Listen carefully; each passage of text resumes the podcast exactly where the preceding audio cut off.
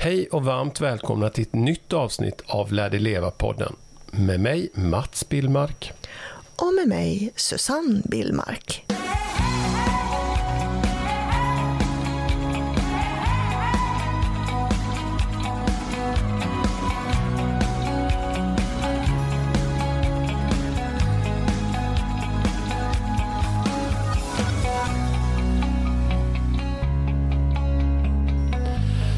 Ja, vi tänkte göra en liten reflektion av valet som genomfördes för några veckor sedan. Mm. Vi har ju en liten teori där. Mm. Varför gick som det gick. Mm. Eller en tanke. Eh, SVT presenterar ju alltid någonting som heter Valu någon Mm. timme, eller det är precis strax efter åtta tror jag. Där man har gjort en jätteundersökning och framförallt har man gjort det med de som har gått ut från vallokalen. Det är lite det unika. Dels tror jag det är nästan 12 000 personer. Och sen har man pratat med människor som precis har röstat. Jag tror det var extra många de hade frågat i år. Faktiskt. Ja, kanske det var så. Mm. Men man har då gjort det när de kommer ut från vallokalen och då ska det vara mer tillförlitligt. Mm. Eh, och det, du vet, det har fått lite kritik efteråt då att det slog på någon procent eller en och en halv hit och dit. Mm. Fast det, det vi ska prata om så spelar inte den procenten så stor roll. Det är fel. Men Valu visade då i alla fall, hade det enbart kvinnor fått rösta, Mm. hade enbart kvinnor i Sverige haft rösträtt, så hade Sverigedemokraterna fått 12 procent istället för nästan 22 procent. Mm. Och vänsterblocket då med Vänstern, Socialdemokraterna, Centern och Miljöpartiet hade fått 58 procent Mm. istället för 48 tror jag det blev någonting. Vet du vad jag tänkte? Bara som en reflektion när du nu sa så här. Tänk om bara kvinnorna hade fått rösta. Mm. Och hur befängd den tanken låter. Ja, Men det faktiskt är bara hundra år sedan som faktiskt bara männen fick Ja. rösta. Och det är 1929 va? Eller 1926? Nej, nej, 21 fick kvinnorna rösträtt. Ah, okej. Men jag tror inte det var förrän 22 eller 20, 23 som, som de röstade. Ja, det är ju Eftersom- ingenting. 100 Nej. år är ju ingenting i Nej. det stora hela. Nej. Eh, och när vi, som du säger nu, när vi säger tänk om bara kvinnor hade fått rösta, det Mm. låter ju liksom, det, det, helt- vad pratar de för fantasivärld? Och det är klart Mm. det är det ju nu. Men eh, det var ju faktiskt bara män som röstade Mm. för hundra år sedan. Men då hade valet slutat så alltså. Eh, Sverigedemokraterna hade fått ungefär halva, hälften så mycket röster Mm. som de fick nu. Mm. Eh, och det här med, vi reflekterade ju där över lite artiklar vi har sett i vår tidning här i Kalmar, vår del av Småland. Eh, bland annat då hur, hur stora så, eller Sverigedemokraterna är just i där det knappt finns några invandrare. Ja, precis. Hur befängt detta är. De visade ju till och med, jag vet inte om det var på valnatten eller om det var dagen efter, visade de ju hur, hur höga siffrorna är till exempel på stora områden uppe i Norrland. Ja, längst, längst upp i Norrland. Där jag antar att det antagligen inte finns några invandrare Det- överhuvudtaget. Det finns nog, men inte den mängden som det Nej. finns i Stockholm. Där gick ju istället Socialdemokraterna som är en ganska mild, eh, eh, mild eh, tank, milda tankar om invandring. Där I storstäderna där det verkligen är enormt mycket invandrare, där gick ju de inte fram alls Nej. så mycket, Sverigedemokraterna, Det, som det, de gjorde. det finns liksom ingen eh, logik i någonting. Ja, logiken är väl att det vi inte, har, det vi inte känner, det är vi rädda för. Mm. Du har ju snackat om det här i flera år, eh, Mm. Susanne, att eh, vi måste få ihop invandrarna. Om vi alltså fick bo mer tillsammans Mm. så skulle vi inte vara rädda. Eh, så alltså skulle inte Sverigedemokraterna växa som de har gjort. Nej. Nej, eh, för då kan man ju säga så här, ja, men de vill ju så mycket annat. Men det är ju ändå invandringen som under alla år har varit deras hjärtefråga, deras största fråga.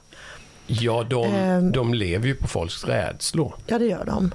Och det ska vi prata om sen, vilken teori vi har kring det. Mm. Men jag tänker eh, att, eh, att vi har ju pratat i många, många år om det här med att för att integrera invandrare, att varje invandrarfamilj ska kunna få en svensk fadder. Ja, eller mentorfamilj eller fadderfamilj. Ja, och det borde ju inte vara helt omöjligt att man Ungefär som när man tar ett fosterbarn eller någonting, att man får en viss ersättning för det man gör. Ja. Ehm, så att, för jag inser ju att folk kommer ju inte vilja det här eftersom det innebär väldigt mycket tid naturligtvis att det kan Ja. ta. Men, men om man tänker sig att man får en viss ersättning för det och det finns en viss kontroll och en viss uppföljning och sådär. Då tror jag faktiskt att eh, integrationen skulle kunna gå mycket bättre. Det var en snubbe som sommarpratade om det i sommar. Och nu hörde jag bara slutet på det och det räckte, det var fantastiskt. Jag ska höra hela så småningom. Han var invandrare och berättade om ett svenskt par som han och hans familj hade haft jag. Med grannar, som läste. grannar då, som hade tagit emot dem med öppna armar. Och hur mycket det hade gjort för dem och deras familj. Och han var idag eh, eh, ja, chef, eller vad det kan heta, på eh, Kumlaanstalten. Mhm. Ehm, och och det, jag tycker det som har pratat är så intressant. Eh, så jag uppmanar alla att lyssna på det. Nej, men just att man också får, man får ju en annan, de här familjerna och barnen i invandrarfamiljerna får ju också komma i, de integreras på ett helt annat sätt. De kan få Mm. andra förebilder, de kan få se att det finns andra möjligheter. Eh, även Och få om, träna på språket. jo, men även om det skulle utgå en ersättning på x antal tusen i månaden till varje svensk familj som blev mentor eller fadder för en invandrarfamilj, Mm. så skulle det betala sig många gånger om, tror jag. Förmodligen. Det tror jag. Mm. Men just det där vi var inne på innan att vi har ju bott längst upp på norra Öland. Mm. Eh, längst, längst upp på norra Öland eh, i många år. Och där, jag har knappt aldrig sett en invandrare där uppe. Nej, det har funnits några som har jobbat på en restaurang på sommaren, Ja. sådär, men det är de enda. Ja, Och de väx- är så himla gulliga och trevliga, så Ja. alla har ju lärt känna dem. Ja, men ändå växer då SD jättemycket på norra Öland. Ja, det är det här, det här som är så märkligt. Och sen finns det en artikel i vår lokaltidning dit jag skulle komma. Eh, som jag läste högt för dig för några dagar sedan. Jag, ska, jag tänkte jag citerar direkt ur tidningen. Det här handlar om Påryd då. Det ligger två och en halv mil söder om Kalmar. Ett litet, litet samhälle. Eh, då skriver de så här citat. I Påryd är det nästan helt tomt. En, en enstaka pensionär rör, rör sig över gatan vid det gamla kaféet. Den enda platsen som finns lite rörelse kring är vid ICA-butiken och biblioteket. Påryd har blivit symboliskt för, en val, för en valkrets på landsbygden i Sverige. Här är, Sverige, här är Sverigedemokraternas allra starkaste fäste i hela Kalmar kommun. Drygt var fjärde person i valkretsen röstade på SD. Det såg nästan exakt likadant ut förra valet. Ulf Eriksson, en av byinvånarna, är en av få som rör sig i den lilla byn. På sin elsparkcykel glider han fram med sitt vita skägg fladdrande i vinden. Han har tröttnat på situationen. Invandringen har påverkat mycket och nu behövs ett parti som som- med ordning och reda och som styr upp det här landet, säger han. Och han är inte ensam i byn och har de här tankarna. Och, då- och där reagerar jag, blir jag vansinnig då. Varför, inte journal, varför journalister är så dåliga på att ställa följdfrågor. För där skulle ju jag då ha velat veta, vad är det han har tröttnat på? Ja, det är klart det kanske finns lite in. Jag kan inte invandra situation i Påryd, men det är klart att det, Nej, därför vill man ju veta. Vad är det den här mannen som går omkring där i Påryd, vad är det han har tröttnat på? Jag tror att de, många av eh, SDs väljare nu är väldigt, eh, vad kallas det? Partiska, Nej, subjektiva. nej, jag kommer inte på det. Eh, men eh, nu gissar vi lite. Men många tror jag inte ens knappt, alltså har inte varit nära problematiken som finns i storstäderna. Däremot så tittar man på nyhetssändningar varje kväll och blir räddare och räddare när man ser skjutningar och bråk och polisvåld och allt vad det är. Eh, och då skrämmer man upp sig även om man inte alls är i närheten av där problemen finns. Därav SDs stora tillväxt på landsbygden. Ja, allt vi är rädda för ehm, tar vi avstånd ifrån. Och jag tror att, jag tror att SD har varit jäkligt medvetna om vad de har gjort under alla år. herregud. att skapa den här rädslan hos Ja, folk. ja. Och det roliga är, och det paradoxala i det då är ju att nu, nu, nu visar ju vi verkligen vilken sida vi står på i den här podden. Ja, det finns nog en och annan att lyssna, lyssna och Men- tycker att vi är helt Och nu och kanske vi tycker att vi är liksom på något vis ska hålla oss neutrala. Men jag tycker att det här är så pass allvarligt och så pass otäckt faktiskt, så att eh, både du och jag kan ju stå för att vi mm. inte vill ha det här partiet i riksdagen. Men, eh, vad var jag inne på nu då? Eh, det här med rädslan. Jo, att SD har haft någon slags... Jag tror att de har haft ett mål med att eh, göra människor rädda. Och jag tror att det är väl uttänkt, den här polariseringen som har skett. Mm. Och det, det, som är så paradoxalt då är att Jimmy Åkesson själv står och beskyller andra partier, till exempel eh, eh, partier på vänster sida, att vara polariserande. Mm. Eftersom det nu eh, är så stor segregering. Mm. Men den här segregeringen har ju smugit sig fram under så många år. Men den här polariseringen och segregeringen som SD har för sig, den är ju bara till för att skapa rädsla. Ja, alltså det här valet har ju handlat så mycket om invandring och kriminalitet och, mm. och våld. Och det har ju spelat SD rakt i händerna. Alltså. Mm. Det har ju varit drömscenario för den här. Alltså var, vi har ju pratat om massa frågor som man inte ens nuddade. Mm. Till exempel kultursidan som där de har massa som vi tycker då, tokiga idéer mm. med public service och mm. museum. Och, mm. eh, det skulle ju... Alltså... Det har ju redan varit i, i eten eh, ett par år mm. om eh, diskussioner om alla möjliga statyer och flaggor och gud vet allt som SD vill ta bort eller förbjuda eller vad det nu är för någonting. Ja, men just det här med homosexualitet som de, nu kan inte jag säga exakt, men jag hörde någonstans att på SDs alla lokalkontor i Sverige finns det, får det inte finnas några Pride-flaggor nu när mm. Pride har varit och sådär. Mm. Eh, alltså det är en, I din och min värld så nu kommer ju inte de få, nu har de ju drygt 20 procent och de kommer förmodligen inte sitta i regering, men de kommer ju också vara tuffa för Kristersson och, och gänget där att förhandla med. Mm. De kommer ju inte släppa igenom några budget utan de har fått med massor av sina förslag. Nej, förmodligen inte. Ja, det var våra tankar om det. Någon kanske håller med oss och någon kanske blir upprörd och förbannad och tycker att vi är ute och seglar. Men då får man tycka det. Då får man tycka det. Mm. Vi ska nu sen, om en liten stund, prata om vad vi har för teori.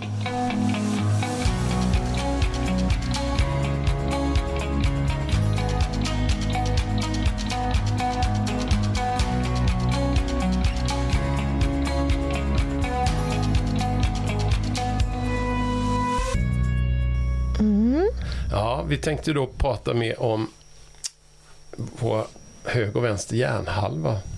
Mm. Som du, har, du har ju lyssnat på lite spännande ja, det här är ju, föreläsningar. Ja, eh, jag, jag har ju lyssnat på um, Jill Boyle som um, en kvinna som har ett TED-talk som handlar om när hon fick en stroke och tappade helt kontakten med sin vänstra hjärnhalva. Och vad gjorde det med henne? Ja, det är så intressant för att... Um, och vad är det som sitter i vänster hjärna? Du måste mm, kanske förklara det först. Jo, alltså om man ska dra det snabbt och väldigt, nu, nu får ni ha överseende men det här är ju väldigt förenklat för att det inte ska ta för lång tid, så handlar det om att eh, höger hjärnhalva är i nuet. Höger hjärnhalva är i, tänker i bilder och är här och nu. Mycket och känslor sitter väl i huvudet? Mycket känslor. Eh, höger hjärnhalva lär sig via kroppen att ta in allting som händer genom alla sinnen. Eh, och den här högra hjärnhalvan, den är liksom länkad till allting omkring en. Höger hjärnhalva upplever allt den ser, hör, känner och kan dofta som ett stort collage av olika saker. Och eh, man skulle lite förenklast också kunna säga att empatin sitter här, skulle man kunna säga, mycket förenklat. Vänster hjärnhalva, den bearbetar information är duktig på språk och tänker linjärt och är metodisk. Så vänster hjärnhalva den förhåller sig liksom i det förflutna och i framtiden. Och den vänstra hjärnhalvan den kategoriserar och organiserar hela det här stora collaget som, som höger hjärnhalva har tagit in med alla sinnena. Så den här vänstra hjärnhalvan den, den hanterar alltså all den här eh, informationen som alla sinnen har samlat ihop och organiserar det. Men framförallt så säger hon, den här Jim Boyle då, att vänster hjärnhalva, den säger jag är. Jag är. Och det betyder att vänster hjärnhalva står för det vi upplever oss som individer. Vänster hjärnhalva separerar oss från andra människor och från det som händer omkring oss. Och då blir det ju i min värld, eftersom jag vet, jag har ju också varit i skolvärlden, både som lärare och vi har ju haft vår dotter i skolan. Eh, och jag har själv gått i skolan. Det finns många aspekter på vad jag har för erfarenheter av skola. Och när jag då upptäcker människor, eh, hur, hur många människor är, så upptäcker jag att väldigt många människor är väldigt mycket i sin vänster hjärnhalva. Ta ett exempel hur en människa som är mest eller jo, men, i jo, men, vänster hjärnhalva. Ja, men just precis det här att vi är individualister. Väldigt individuella i vad vi gör, vad vi tänker och hur vi pratar. Vi, ehm, alltså man skulle ju kunna säga att egoismen skulle kunna säga det, vara där för att underlätta tanken lite. Ehm, man skulle ju kunna... Alltså, hel arbetsliv och skola, där, där ehm, uppmuntrar man nästan enbart, skulle jag säga, saker som stimulerar vänster hjärnhalva. Inte enbart. Nu kan du vara ute på lite hal Ja, men jag, jag, jag, ehm, jag, jag, reserverar mig för att det, det är absolut inte enbart. Jag skulle kunna säga så här utan att veta egentligen för mycket om läraryrket så skulle jag kunna tänka mig att man stimulerar mer båda hjärnhalvorna i de första skolklasserna upp till, eh, eh, till och med mellanstadiet skulle jag säga. Men från gymnasiet skulle jag faktiskt kunna säga eh, så minskar stimulansen för höger hjärnhalva. Eh, där, och, och, det är ju ganska tydligt med hur man tar ner och hur man nedvärderar till exempel konstnärliga ämnen och idrott till exempel. Det är två ämnen som behövs väldigt mycket för höger hjärnhalva. Mm. Och speciellt när man tänker då att vi behöver genom kroppen kroppens rörelser ta in till alla sinnen, som hon den här Jim Boy säger, så är ju rörelse jätteviktigt. Men när jag har lyssnat på henne, då har jag tänkt så här. Väldigt många människor är i sin vänstra hjärnhalva. Och då tänker jag, då är det inte så konstigt att man blir rädd och röstar på SD. Mm. Om man ska dra det hårt. Mm. Eftersom, ju, eftersom det är så få, eller i alla fall mycket mindre människor som håller som, som har kontakt med sin högra hjärnhalva så kommer det innebära att men, eftersom så många människor då har mer kontakt i sin vänstra hjärnhalva så separerar det oss människor. Hon pratar också i ett annat eh, samtal om just det här, vad det är som triggar oss. Och då säger hon det att eftersom vänster hjärnhalva bearbetar det vi ser, hör, tänker, känner dofter av och sådär. Så, så, så är det så att om jag ser en annan människa som inte ser ut som mig, kanske inte låter som mig, kanske gör någonting som jag aldrig har gjort, då kommer min vänsterhalva att säga så här. Det där är något, ett hot. Mm. Därför att vänster halva Eh, hjärnhalva är till för att separera. Man skulle vilja säga, om man är snäll mot vänster hjärnhalva, skulle man kunna säga att vänster hjärnhalva är till för att skydda oss från för, hot. För vi vet ju att Vi vet ju att allt handlar egentligen om överlevnad. Ja. Allt Och- vi gör och allt hur vi beter oss Ja. handlar i grund och botten Allt överlev- gör ju det. Allt. Och eftersom vänster hjärnhalva då eh, börjar granska det jag ser, hör, tänker, känner, kan ta på, då kommer den att ta, göra slutsatser. Är det här farligt för mig eller är det inte farligt för mig? Om jag då är, inte har tillräckligt mycket kontakt med min högra hjärnhalva så kommer jag inte kunna ta ett beslut där jag kan, där jag kan värdera det här på ett korrekt sätt. Och det är det som sker när vi blir rädd för en annan hudfärg eller för en människa som kanske gör någonting som jag aldrig har sett förut. Eller en människa som säger någonting som jag aldrig har hört förut. Jag tänker också på, det här är lite grunden för all mobbing i skolan. Absolut. Eller på, inte bara i skolan, på arbetsplatser. Så fort någon, Absolut. någon är annorlunda, för lång eller för kort eller för tjock eller för smal eller ser, sticker ut ur mängden, Mm. då, då ligger man risigt till. Och vill man Och där ha- har du också den teorin med vänster hjärnhalva att eh, vi blir rädda. Ja, och vill du hårdra det här då, så skulle, hårdra det enormt mycket, så skulle man kunna säga att vänster hjärnhalva, är, där är rädslan. Och höger hjärnhalva, där är kärleken. Ja, empatin. Om man nu vill hårdra det hela. Men då kommer ju våra lyssnare givetvis att vilja veta hur man tar sig med till höger hjärnhalva.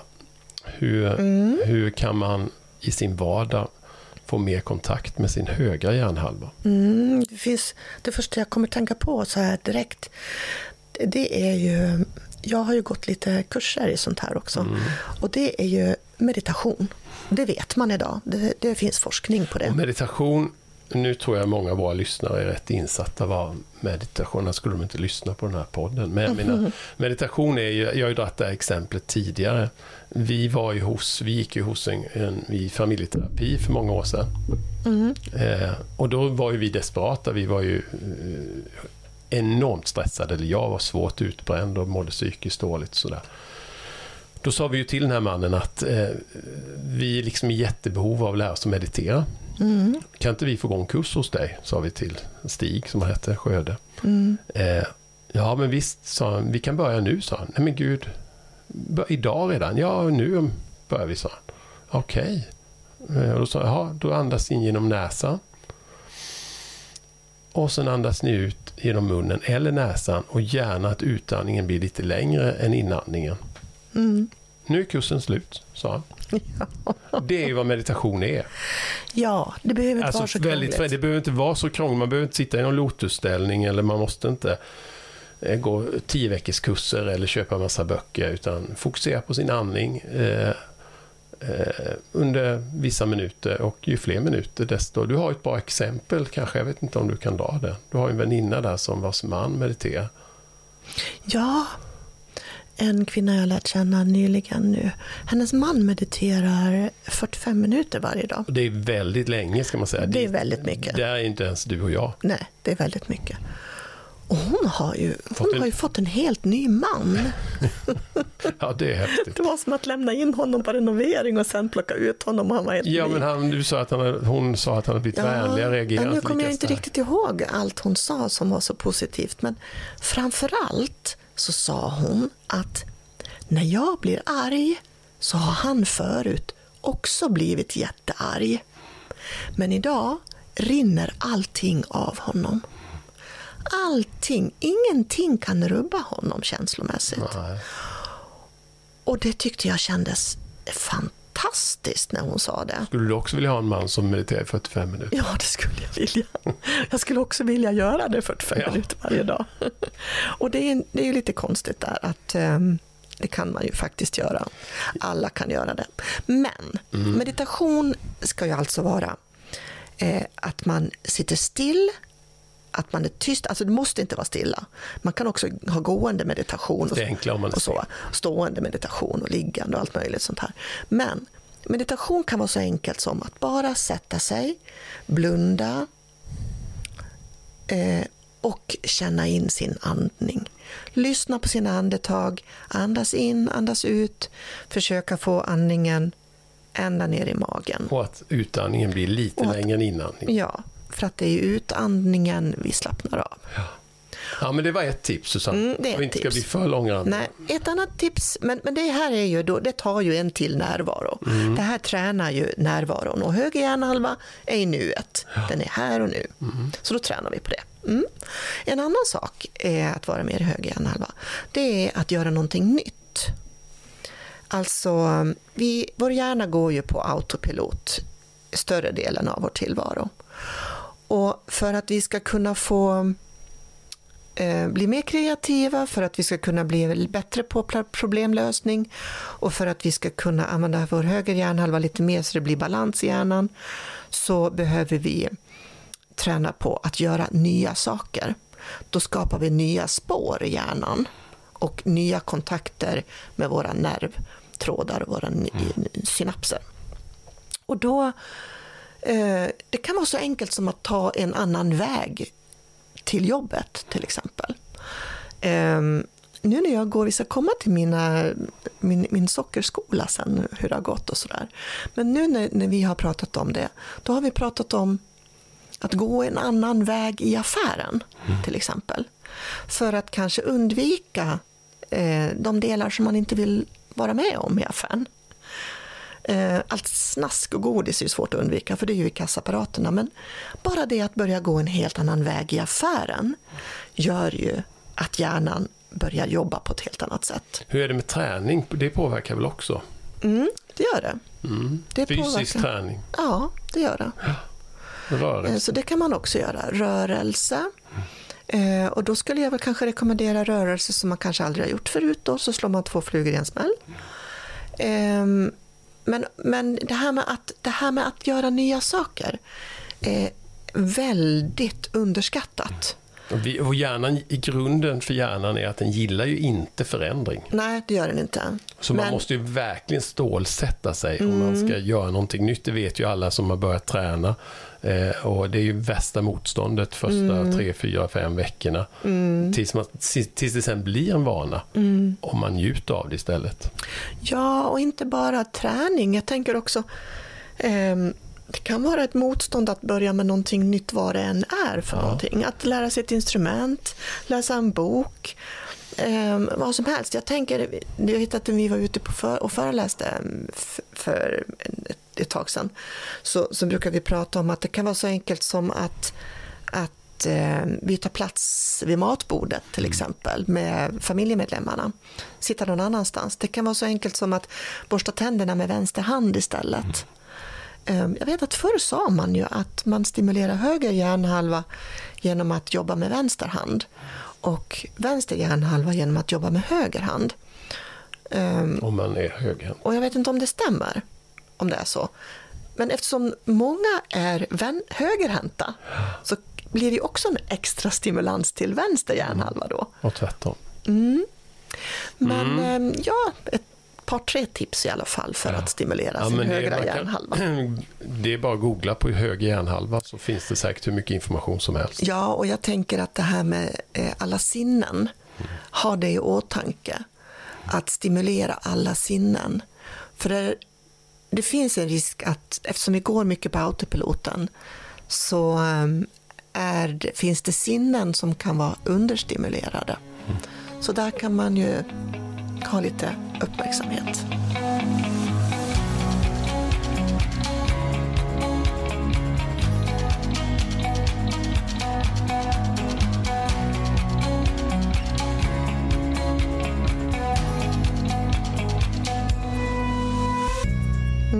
Mm. Nu tänkte jag att du ska få rapportera. Vi lovade ju i förra avsnittet att du berättade om din, ditt sockerberoende. Och att du höll på att ställa om. Eh, och har, går i någonting som heter sockerskola. Där ni är en grupp människor som har samma problem. Eller beroende. Där ni hjälps åt nu att komma ifrån sockret. Och vi har lovat att i varje nytt avsnitt ska rapportera hur det går. För att sätta lite press på dig med. Om man nu kan säga så. eh, och du har ju varit sockerfri i drygt tre veckor. Ja, och glutenfri. Och alltså jag ska vara mer tydlig kanske. Ja. Jag har varit sockerfri och mjölfri. Mm. Mm. Och jag har ju inte varit helt, men jag har ju dragit ner till 90 procent, vill jag nog påstå. Mm. Sen sköter inte jag mig alls, fast jag har ju inte ditt beroende på det sättet. Men däremot mår jag dåligt av sockret. Jag använder ju socker och har gjort, jag berättade det bland annat för din kursledare igår, det var en sån här anhörig dag eller, eller på, Anhöriglektion. ja, på webben då. Mm. Eh, Då berättade jag det för din kursledare att jag har använt mer sockret att när jag är trött och behöver en kick, Mm. om jag ska träna eller jag ska på ett möte eller vad det än är och jag liksom känner att energin och blodsockret är lågt, då har jag dragit i mig en halv chokladkaka. Jag har nästan Mm. alltid haft eh, chokladkaka eller godispåse i handskfacket i någon garderob någonstans. Ja, som ett redskap. Ja, som, ja verkligen. Du får verkligen en kick jag får en det. enorm kick alltså. Jag får ju inte det. Jag kan ju, klockan kan ju vara fem och jag vill ut och ja, jogga eller som jag gör lite lätt. Eh, och känner bara att jag är helt slut och jag Mm. orkar inte där. Då tar jag en halv chokladkaka eller tio godisbitar och sen säger det pang i hjärnan på Mm. mig och då orkar jag det. Mm. Och likadant med jag sköter ju, du lagar ju i princip all mat hemma hos oss, Mm. vilket jag är tacksam för. God mat dessutom. eh, men då ligger det på mig att diska. Mm. Eller ställa in och, i disken och diska grytor och in och ur diskmaskinen. Och det är också en sån där grej som jag tycker är skittråkigt. Bland det Mm. tråkigaste jag vet. Och då har jag smugit iväg och tagit mina godisbitar och chokladbitar och då blir jag pigg och då kan jag köra på den här tråkdisken. Jag har använt det så som ett redskap och nu har jag inte riktigt det och nu har jag kommit efter min träning med det vet du igår. Jag sa nu Mm. jävlar måste jag träna. För, för jag liksom behöver det här raketbränslet. Mm. Men nu ska vi inte prata om mig. Nej, men nu är Men det du- slut på det. Mm, Nu ska men du jag, försöka få energi ja, utan men jag att ta sköter godis. men jag kan äta någon macka ibland och jag äter potatis och ris och pasta och sådär. Om jag äter på dagens Ibland? Ja, dagens rätt. Inte när jag äter tillsammans med dig. Mm. Men om jag är ute och äter dagens lunch eller något Mm. sånt. Men nu ska du få berätta hur det har gått. Jo, men det har gått ändå förvånansvärt bra tycker jag. Jag åt ju lite, ehm, jag har ju hållit mig från frukt och bär också. Inte bär helt, men, men frukt i alla fall. Och eh, i lördags då så åt ju, åt ju jag lite mer frukt och bär och grädd, vaniljgrädde som jag hade gjort. Och sen vaknade jag, fick sån baksmälla på natten alltså. Och hade så fruktansvärt ont i huvudet. Sen hade jag gjort och varit mycket stressad där också och hållit på mycket med saker och ting där på dagen. Men jag var, hade ju huvudvärk hela natten och halva söndagen. Mm. Så jag var tvungen att bara ta, ta det lugnt då. Jag ska bara sticka in emellan. Innan du får, jag skulle bara vilja berätta för sent som är det viktigaste. Mm. Eh, att jag har dragit ner mitt socker till 90 procent har ju också gjort att jag är mycket mindre orolig. Mm. Jag är ju en ångestbenägen människa.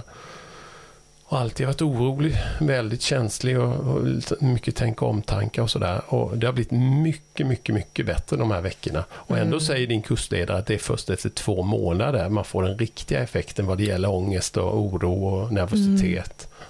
Eh, men det är en jättestor skillnad. Ja, Men vad har du gjort med hur liksom, Nej, men jag skulle bara vilja säga det att eh, den sista lektionen vi hade då, förra veckan, det, det, där, där var det så uppenbart för mig eh, varför man inte klarar av att ta bort det här själv. Utan man behöver den här gruppen som, som vi har då tillsammans. Man behöver stöttning och man behöver information och man behöver kunskap. För att, att bara ta bort sockret och mjölet funkar inte. Man måste ha, eh, man måste ha människor omkring sig. Man måste också ha kunskapen och veta vad det är som händer i hjärnan. Man måste få lära sig veta varför händer det här. Eh, och man måste jobba med sig själv. Man måste jobba med sin egen personliga utveckling. Eh, så det som har gått upp för mig nu, det är ju att det är bara några få enstaka procent av det här sockerberoendet som faktiskt handlar om mat. Det, är väl, det handlar om väldigt mycket annat också. Känslor, vilket jag inte alls trodde innan. Jag tänkte, jag är inte en sån som äter på känsla till exempel. Ehm, Men det har jag nog varit eftersom jag har ätit när jag blivit uttråkad. Ehm, jag pratade, i den här kursen så ingår att vi ska ringa varandra och stötta och prata och dela och sådär. Och, och jag gillar ju inte ens att prata telefon, men jag tycker de här samtalen är fantastiskt fantastiska. Men du har nog Och jag aldrig pratat aldrig- telefon så mycket som du har gjort Nej, senaste veckan. aldrig. Och jag skulle aldrig klara mig utan de här samtalen. Och då fick vi i alla fall i uppgift sist nu att vi skulle ringa upp eh, någon som hade gått den här kursen tidigare och som hade eh, gjort det här för länge sedan. Liksom, Mm, och höra hur det har gått och hur de håller sig friska och vad de gör och sådär. Och då, ehm, nu glömde jag bort vad jag skulle säga kring det här, men jag pratade i alla fall med en kvinna som hade gått den här kursen i sju år. Hon fått Eller år- nej, hon har inte gått i kursen i sju år. Nej, men hon, sju år för sedan. sju år sedan. Hon hade haft något återfall för, efter två år. Men sen hade hon tagit sig upp på banan igen. Eh, och ehm, det är inte många förstår i det här. För att jag kan höra en del säga så här att ja, men jag äter också sockerfritt och glutenfritt. Och så är det ju inte för oss. För vi kan ju inte äta sötningsmedel heller. Och vi kan ju inte äta mjöl överhuvudtaget. Eh, och det här är någon, en kunskap som vi, vi måste sprida. För är man sockerberoende så, så går, måste vi hålla oss borta från allt. Ja, det är väl så att ni, ni, får, ni får liksom testa det här med frukt kanske efter ett Nej, men, antal veckor. Så här är att första tiden så, så får vi hålla oss ifrån det, det mesta av sånt här. Allt kan man ju säga. Eh, sen får man ju prova sig fram. Och vissa kanske kan äta lite bär eller vissa frukter. Eh, och vissa kanske kan, kan klara av att, att äta... Jag har till exempel ätit köttgryta som det är vin i. Eh, och det klarade jag ganska bra, för jag kände inte att jag blev triggad av det efteråt. Ehm, och, det är ju så att vi får testa oss fram. Vissa kan, kan ju till exempel inte ens äta nötter. Ehm, men det kan jag och sådär. Men då, ja, Så det handlar ju om att, prova sig fram när man har varit fri från det. vi hade en släkting som sa häromdagen att herregud vilket tråkigt liv. Vad, Ja. vad gör ni liksom? Ni ska fira eller festa eller Ja. unna er något? Gud vilket tråkigt liv.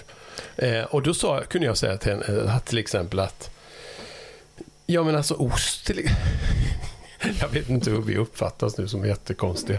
Men du har ju inte för ditt beroende, herregud. Det är inget att skratta åt, kommer jag på nu. Nej. Nej, men, eh, nej, men herregud, man kan käka en jordgubbe, en ost. Alltså det finns ju mycket som är jäkligt gott. Dessutom får du äta ja, du får ju äta, får använda grädde i matlagningen och sådär. Mm.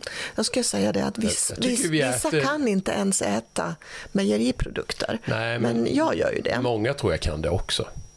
Det vet jag inte, men vissa Nej. kan inte det. Nej. Jag måste säga det för att det är så. Mm. Men men jag tycker att vi... nu du pratade om det här med, ska man aldrig, alltså jag råkar mycket ut för det här med, ska man aldrig få äta? Ska man aldrig få unna sig?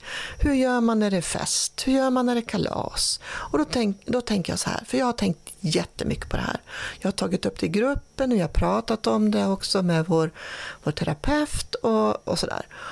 Och då, då, först måste jag säga så här, jag har kommit till ett skede, redan nu känner jag, sen vet jag inte om det är så här om två veckor, men nu känner jag att den det som jag mår om jag har ätit något socker mentalt, alltså med, med skuldkänsla och så här att jag har ätit det, och så, så är det inte värt det. Och jag känner också att det finns en viss oro inför jul, vad som ska hända, vad jag ska äta och sådär. För jag älskar ju allt som har med julmaten att göra.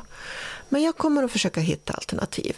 Och då tänker jag så här, vad är det i vårt samhälle som gör att vi kopplar allt firande med mat och dryck? Jag tänker, om du och jag skulle vilja fira någonting, då skulle vi ju lika gärna kanske till exempel kunna gå på bio. Eller vi skulle kunna ta ett spa tillsammans. Och inte koppla det så mycket till maten. Ja, men det är det första man tänker på. Mm. Det är ju ofta att man ska fira med, med någon sötsak eller, någon, Ja, eller vin eller alkohol eller eh, så. och det här har ju... Det gäller ju att ändra det, det fokuset. Ja, det här har ju bara med tradition och beteende att Ja, göra. och det var ju det vi var inne på innan, att Mm. vi går på automatik hela tiden. Och aut- och automatiken säger att när vi firar så firar vi med sötsak eller alkohol. Mm. Ofta. Så är det.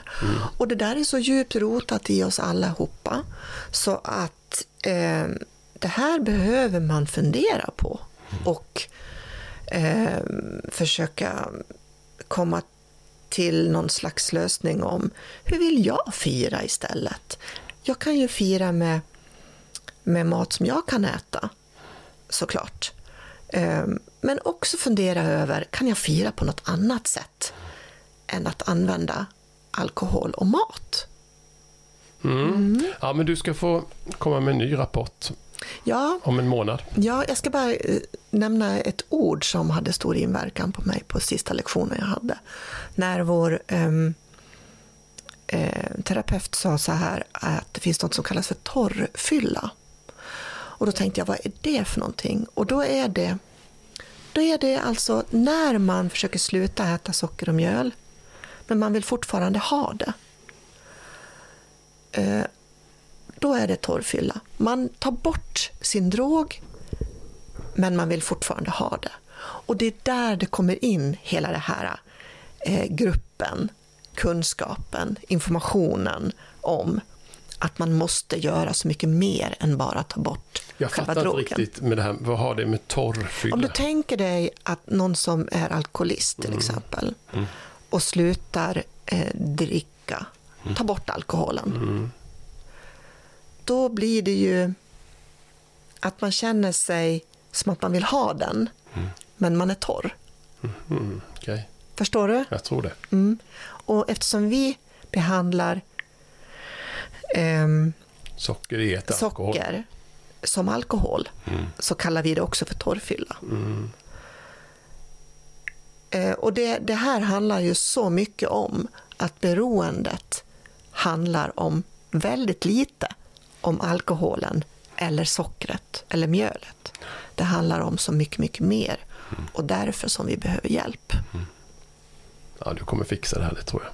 Det känns som att du har bestämt dig den här gången. Det har jag. Mm. Ja, men du känns stark och jag kommer stötta dig så mycket jag bara kan. Ja, det är fint. Mm. Det, ni var ju med på en anhöriglegtion Ja, då. jag, jag nämnde I det söndags, nyss. ja. Mm. ju, vår, vår dotter också. Ja, vad tyckte du, vad tyckte du om det? Nej, men det var fint för där var det är ju som såklart mest, mest kvinnor.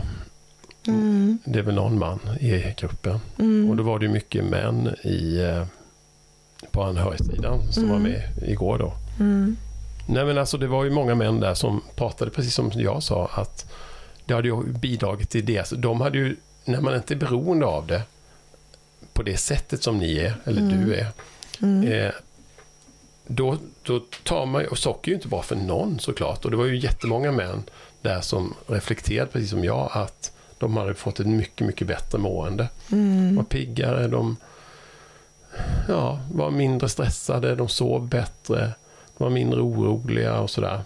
Mm. För det fick ju de på köpet i medan deras partner nu håller på att avgifta sig. Mm. Ja, det var jättefint var det. Ja, Väldigt fint. vad Men du ska få rapportera igen ja. nästa Jag, gång. jag, jag tänker också bara så här att ehm, en sista grej. Eh, det här med att ehm, socker inte är bra för någon egentligen.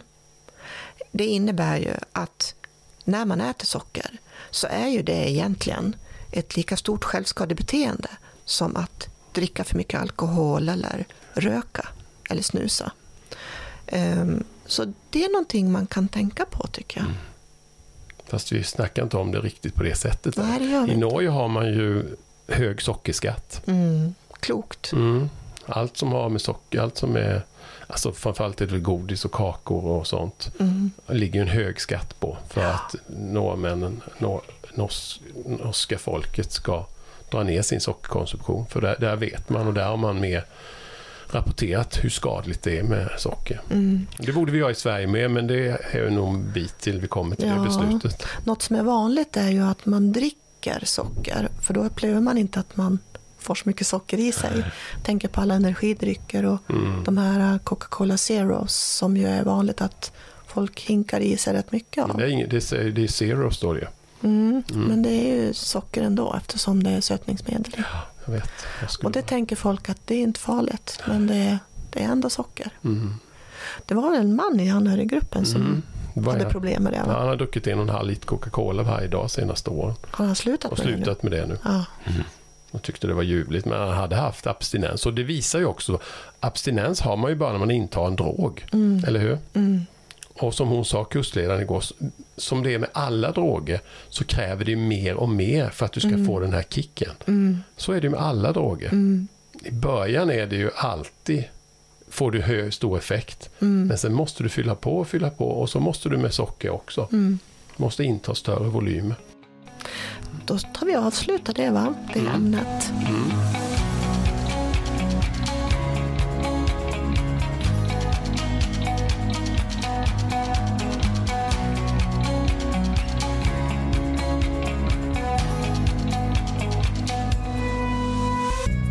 Ja, Susanne, hur ser dina, och det gäller nästan mig med, men hur ser dina dagar ut närmsta dagarna? Ja, jag packar. Jag packar kartonger. Alltså folk tror inte vi är kloka. Vi flyttar hit och vi flyttar dit. Ja, men vi kan, ska jag, tror, jag kommer inte ihåg vad vi sa förra. Nej, det vi kommer inte jag heller det, men vi kan, men, jag kan eh, bara dra en kortis. Vi mm, har ju haft en, eller du har haft en liten butik med ditt ja, konstnärskap eller hantverk. Och, Mm, ja, vi, den heter, har hetat Må bra-shoppen. Mm, Där vi även haft ja, lite annat som har med bra att göra. Vi har haft Mm. vitaminer, mineraler. Ja, olika, vad ska man säga. ekologiska hudprodukter Ja, har vi ja. haft. Men det har inte funkat, eller hur? Den, Nej. den har legat lite för långt, ja, 50 meter från riktiga citykärnan i Kalmar. Eh, och det har inte gått ihop sig. Och vi har ju även, där vi sitter ju faktiskt i butiken nu, men vi sitter inte i butiken utan vi sitter i kontoret som jag har haft bakom, där vi även haft vår lilla poddstudio.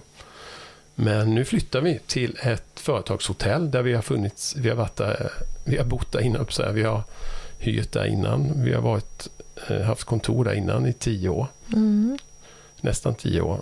Eh, och där får du en ateljé, mm. en fin ateljé med, fin ateljé med stora fina fönster. Och jag får kontor och en riktig poddstudio, för där vi sitter Mm. nu inte riktigt. Eh, så, och det blir också billigare för oss. Mm. Mycket billigare. Och jag kommer att kunna ha kurser för jag kommer få tillgång till ett stort konferensrum. Och jag kommer att ha kurser i allt möjligt roligt. Mm. Stress och hantering och Och kreativitet och hantverkskurser. Och Ja, vi ska också ha miniföreläsningar där. Vi har ju Mm. egentligen lagt ner våra föreläsningar. Vi gör ju inte det så mycket för vi gillar inte att resa runt på det sättet. Eh, Men vi ska hålla miniföreläsningar Mm. där också i det vi huset. Mm. Och så småningom kanske det blir en sockerföreläsning också. Mm. Och sen har vi precis nu, tog jag över det här, du skulle berätta, men vi, vi gör ju ungefär samma saker nu. Ja, det går i varandra. Ja. ja, men så har vi precis avslutat vår, vi har ju hållit på i fem månader med vår barnbok. Mm.